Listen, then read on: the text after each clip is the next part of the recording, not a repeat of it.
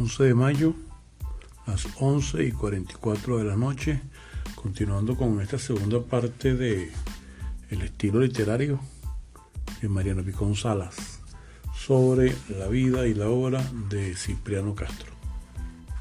Citamos. No parece tampoco en el retrato un hombre feliz. Tendrá en su madurez hastíos y extravagancias de Calígula o Sardanápalo, y la trágica y atormentada sensualidad que se refleja en los ojos es como su temporal evasión, la descarga de pasiones más tenaces. Es ya una cara de insatisfecho. Se le adivinan las explosiones de cólera y mal humor, el desenfrenado egotismo y mesiánica fe en su persona que le definen todos los contemporáneos. Decía él, eh, parafraseando su personalidad, me busco y no me encuentro.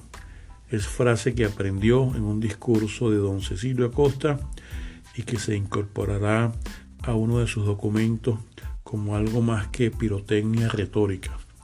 Me busco y todavía no me encuentro. Podría decir el joven de 1884 como un Julián Sorel del trópico que abandonó también los estudios eclesiásticos y desdeñó el sosiego rural de su casa para iniciar en extraña síntesis de cálculo y de ardor la conquista del mundo. Primeras andanzas militares y políticas.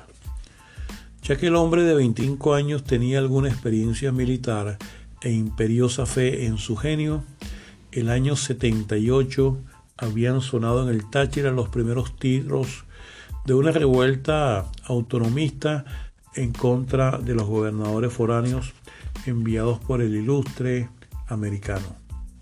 Pretendía un gobierno tachirense, los generales Rosendo Medina y Gumercindo Méndez, el doctor Santiago Briceño y los hermanos Luis Felipe y José Roja Fernández lograron ocupar San Cristóbal y organizarlo entre los insurrectos que más lucen en el combate por la capital tachirense se destaca Cipriano Castro. Y poco tiempo después, en el entierro de uno de los poderosos señores Jaimes de Capacho, conoce a otro joven casi de su misma edad, lento y pausado, de movimientos, de encapotados ojos astutos y que revela una fuerza obstinada y segura. Sería su amigo y su compadre se llama ahora Juan Vicente Gómez. Parece su polo opuesto y es por ello el amigo complementario. Posee este Gómez una finca en La Mulera, cerca del cálido San Antonio del Táchira. Beneficia reses y conoce todos los pasos de sierra, las enmarañadas picas que permiten fugarse a un conspirador o introducir un contrabando entre Venezuela y Colombia hombre que tiene un pie en cada frontera, lo que parece muy conveniente durante las aventuras de aquellos días.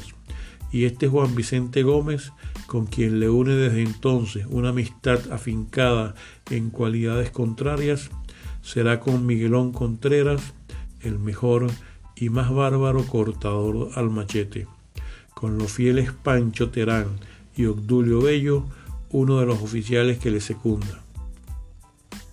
El joven Cipriano, a pesar de su tamaño, convence con su elocuencia, su arrojo y sus mañas de prestidigitador.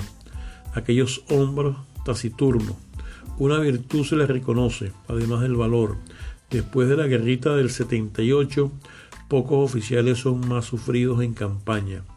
Para combatir bien, gusta de andar lo más escotero posible. Lo que más pesa en su montura es el largo valletón envuelto en un encerrado que le sirve, según el tiempo y el lugar, de capote de lluvia y de cama. En campaña le gusta acostarse en el suelo a la par de los soldados y come de su mismo rancho. Su grandilocuencia y fe terrible en cuanto se siente capaz de hacer es otro rasgo que también le señalan los contemporáneos. El año 83, cuando el centenario de Bolívar lee el casi fragoroso libro en que don Eduardo Blanco ha contado los fastos estas campañas de la independencia, descritas en tono pindárico, en palabras que tienen gusto a pólvora, le calientan la imaginación como una terrible mistela.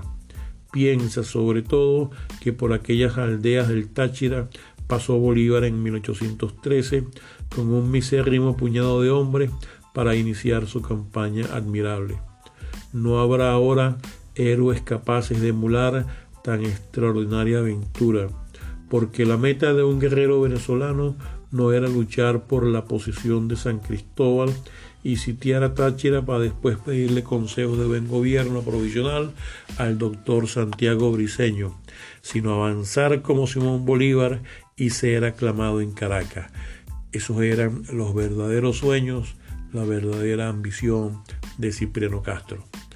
De este como sentido de predestinación que ya le infundía su vida, hablará largamente a Enrique Gómez Carrillo en la extensa entrevista que le hizo el escritor guatemalteco 25 años más tarde.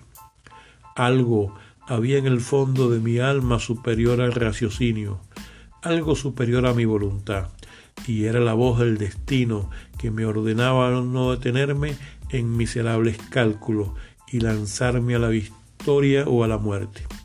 Cuando reuní los 60 hombres que formaron mi primer cuerpo de ejército, tuve como una visión bíblica y se me figuró que aquella fila de guerreros improvisados se extendía infinitamente hasta perderse en un lejano horizonte. Adelante, gritó en mi pecho la voz misteriosa que siempre me ha guiado. Y esto podría ser curso patológico si no nos ofreciese al mismo tiempo lo que será la clave permanente de su personalidad. Semejante mesianismo histórico no le abandonará durante toda su carrera. Enfermo y casi moribundo en Berlín, sigue contando Gómez Carrillo, se inclina bruscamente en el lecho, aprieta en las manos crispadas aquel pañuelito de encajes que se acostumbró a usar en las fiestas restauradoras y dice al gran cronista, yo no creo que haya en el mundo una situación igual a la mía en estos instantes. No creo que exista en la historia una tradición semejante a la que hoy me azota.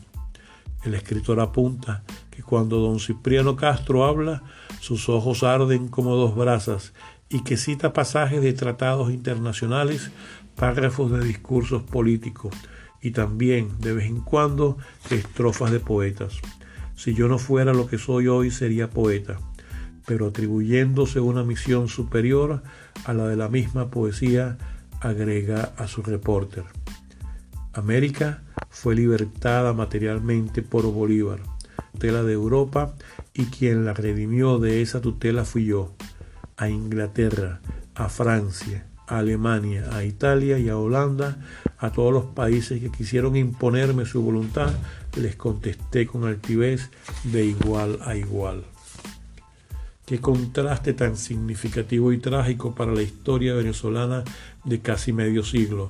Forman este carácter romántico, vehemente, egoísta y vaticinador de Cipriano Castro y el disimulo cruel y replegado de su compadre Juan Vicente Gómez, porque junto al autor del otro, Gómez era tirano, paciente e inalterable, con pausa de caimán, disfrazándose a veces de un Bertoldo.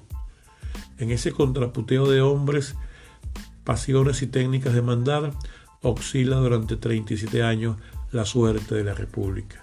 En ese contrapunto de hombres, pasiones y técnicas de mandar, oscila durante 37 años la suerte de la República.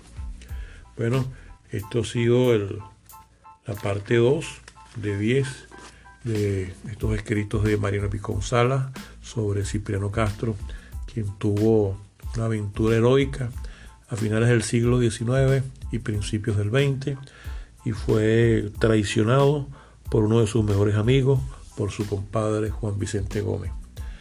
Este, por cierto, voy a hacer un comentario para la gente de las redes sociales.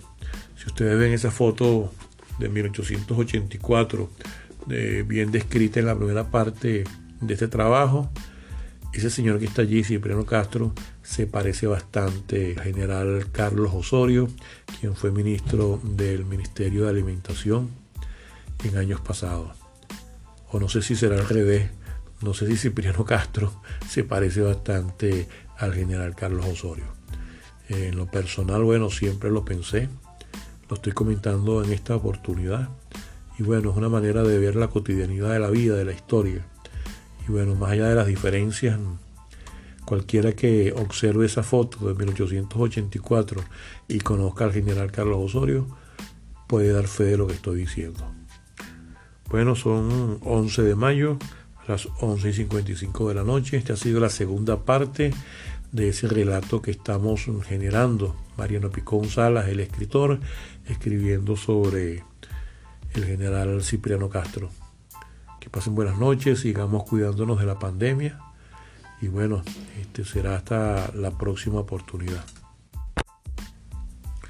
Les habló David Morales Cabrera en el programa El Sardinazo Yo No Fui, certificado de locución 40.482.